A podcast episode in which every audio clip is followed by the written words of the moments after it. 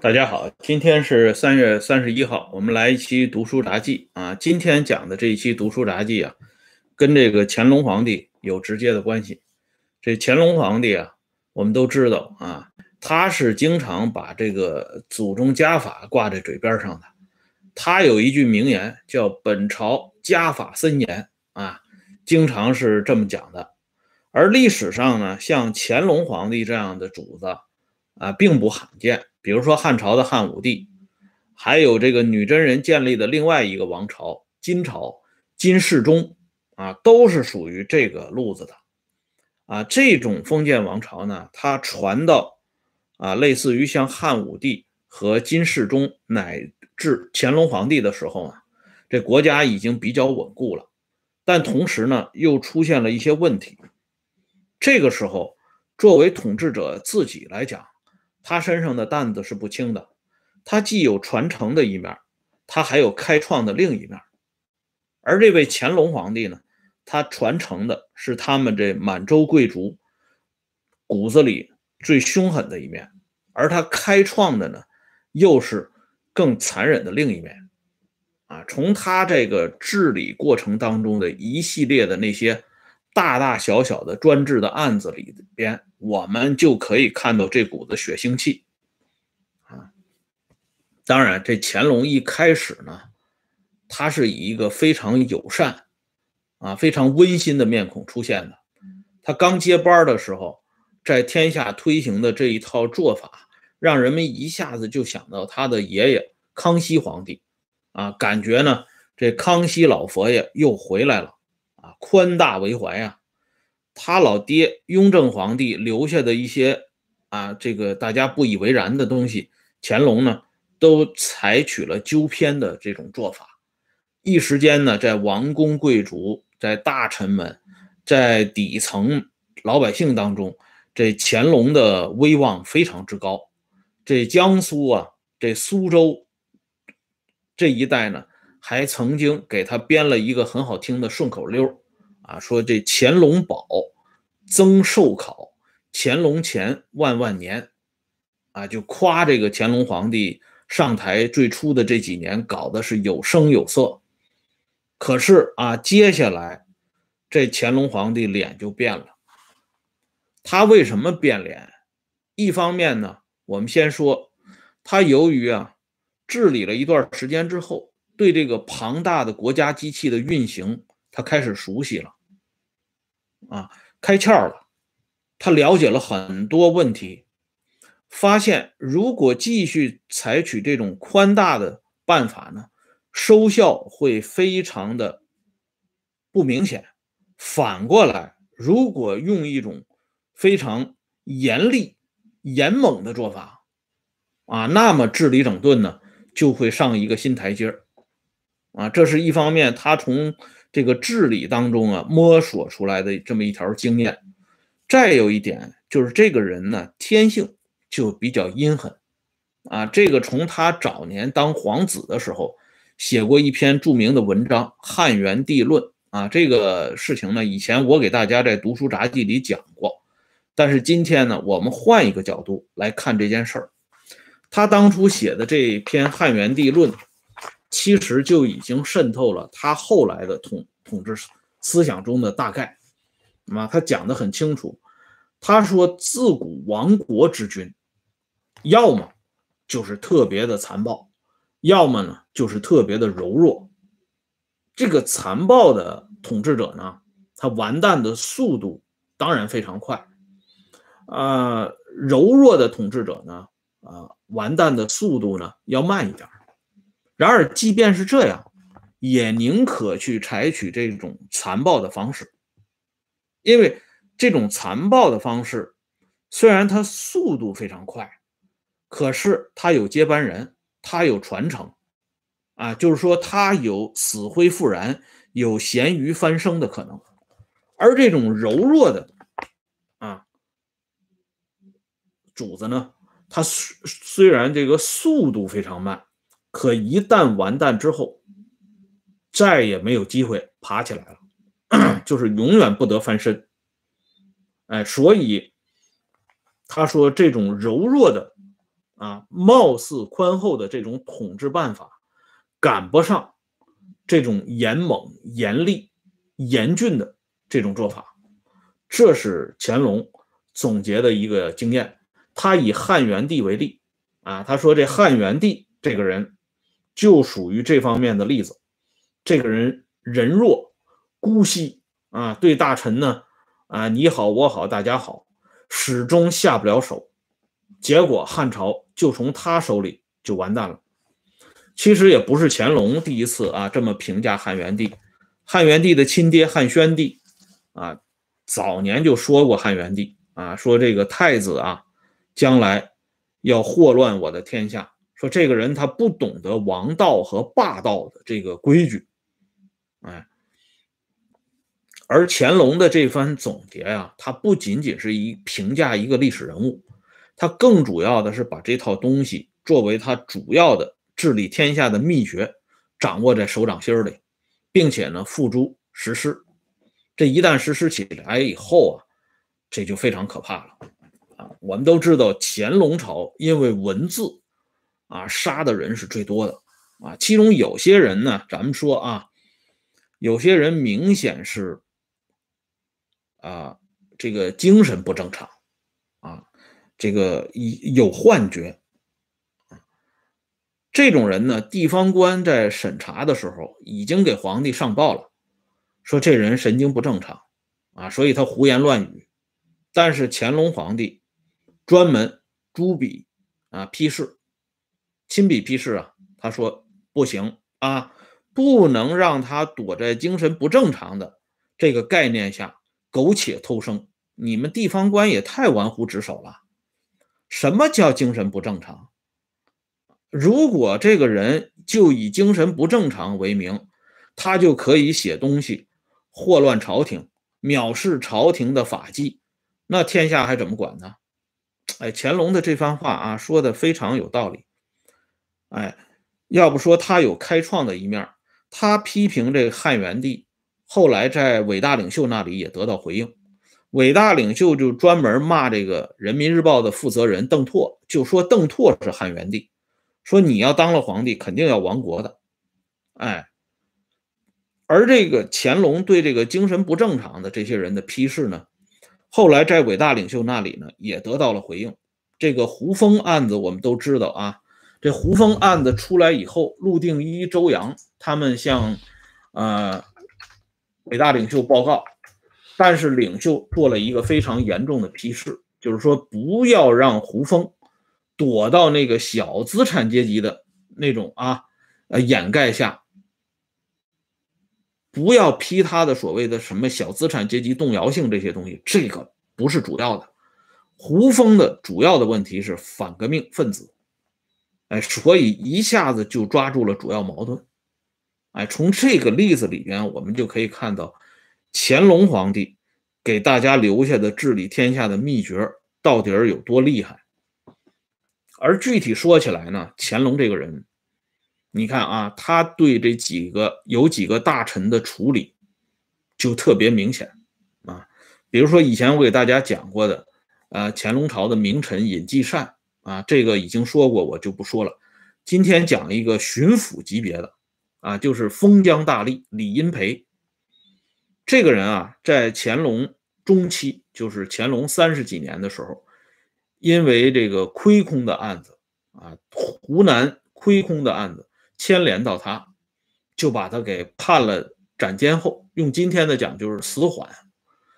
等到乾隆皇帝啊勾决的时候，就是死缓到一定期限以后，要报请最高当局，由最高当局来裁决，他是继续关押呢，还是呃直接到呃这个呃菜市口或者有关地方就直接给他了断了？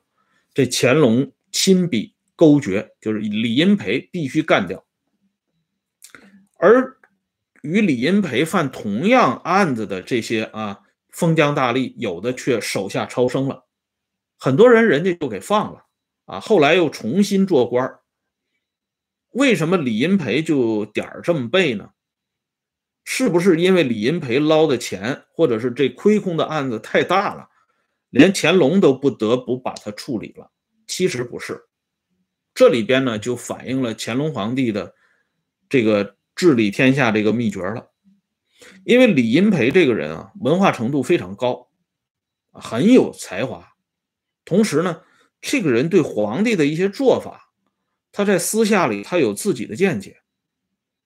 嗯，这些东西呢就被乾隆给仿到了，他就知道了，所以他曾经给湖广总督啊，乾隆皇帝给湖广总督写过一封密信，就说你手下的这个李荫培这个人不是个东西啊，他经常恃才傲物，居然对朕啊在背后也嘀嘀咕咕，这么一个东西。摆在巡抚的这个位置上是相当的不合适的，哎，所以这李银培就因为不够恭顺、不够服从，不能够全方位的对皇帝进行跪舔，就被皇帝当成了眼中钉、肉中刺啊！一旦抓到小辫子之后，从重、从快、从严的予以处理，就给搞掉了。同样呢，还有一个人叫周琛。啊，这个人也是巡抚，曾经呢也犯了案子，乾隆呢先把他发到边疆去效力。两年以后，这乾隆皇帝想起这个人了，说老周这个人呢做事还可以啊，把他放回来吧。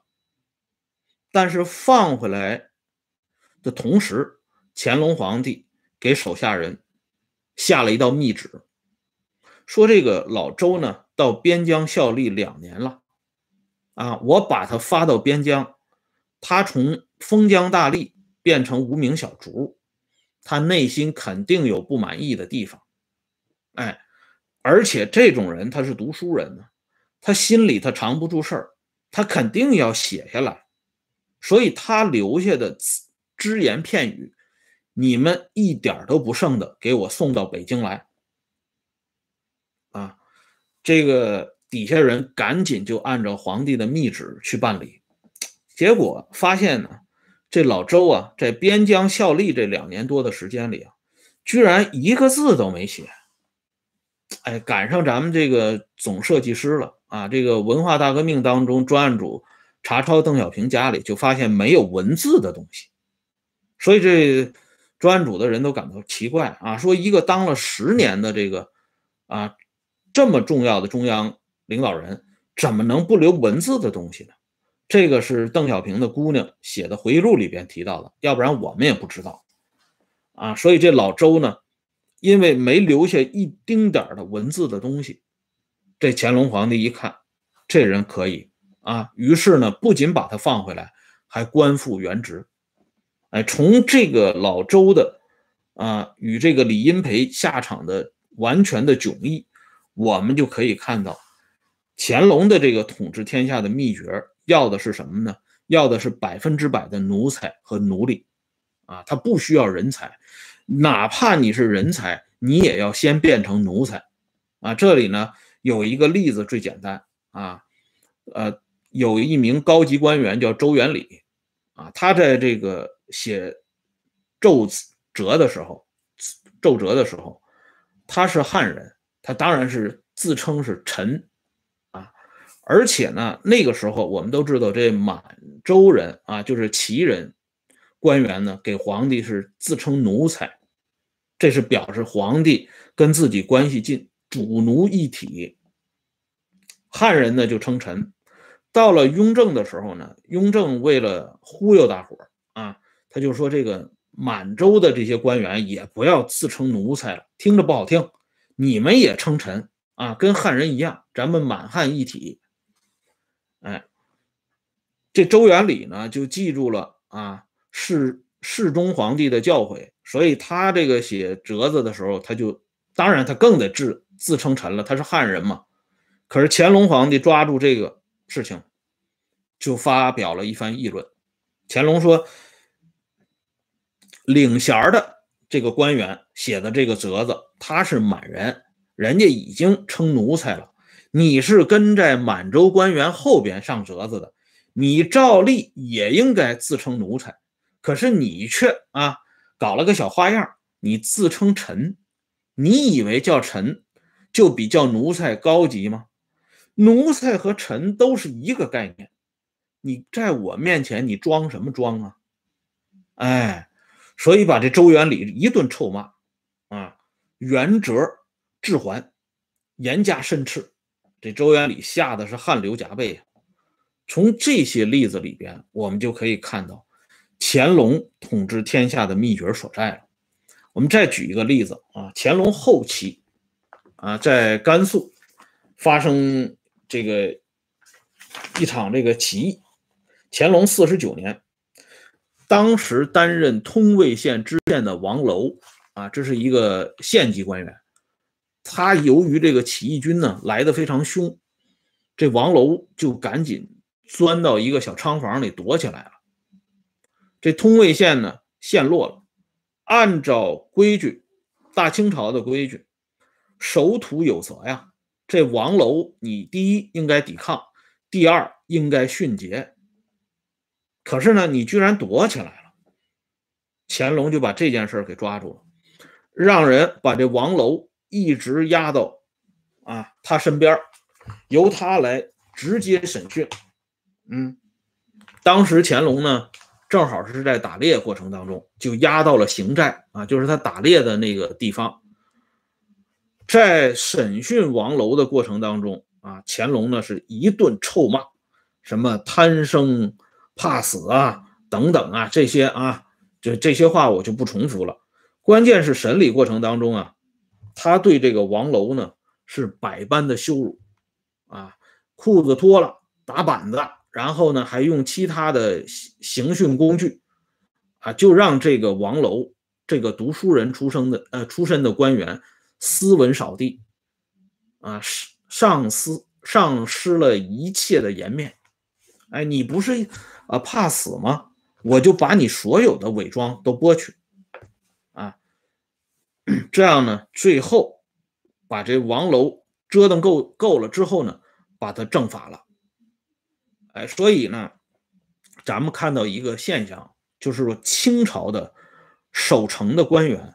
经常会出现这个主动殉节、牺牲的这个例子，啊，从表面上看呢，清朝这方面的做的比明朝、比元朝，甚至比以前唐朝、宋朝都要都要好。当然，这好是要打引号的，啊，一旦有这个城池陷落，这官员首先首先就自尽了。其实不是官员自己有这个觉悟。而是乾隆他们推行的啊，包括乾隆以前的这些皇帝们推行的这套啊严刑峻法，让这些官员产生极大的恐惧。哎，就是说，你如果不选择啊训诫的话，那么你的家家族要为之蒙羞，你的家人要被株连，所以你必须死。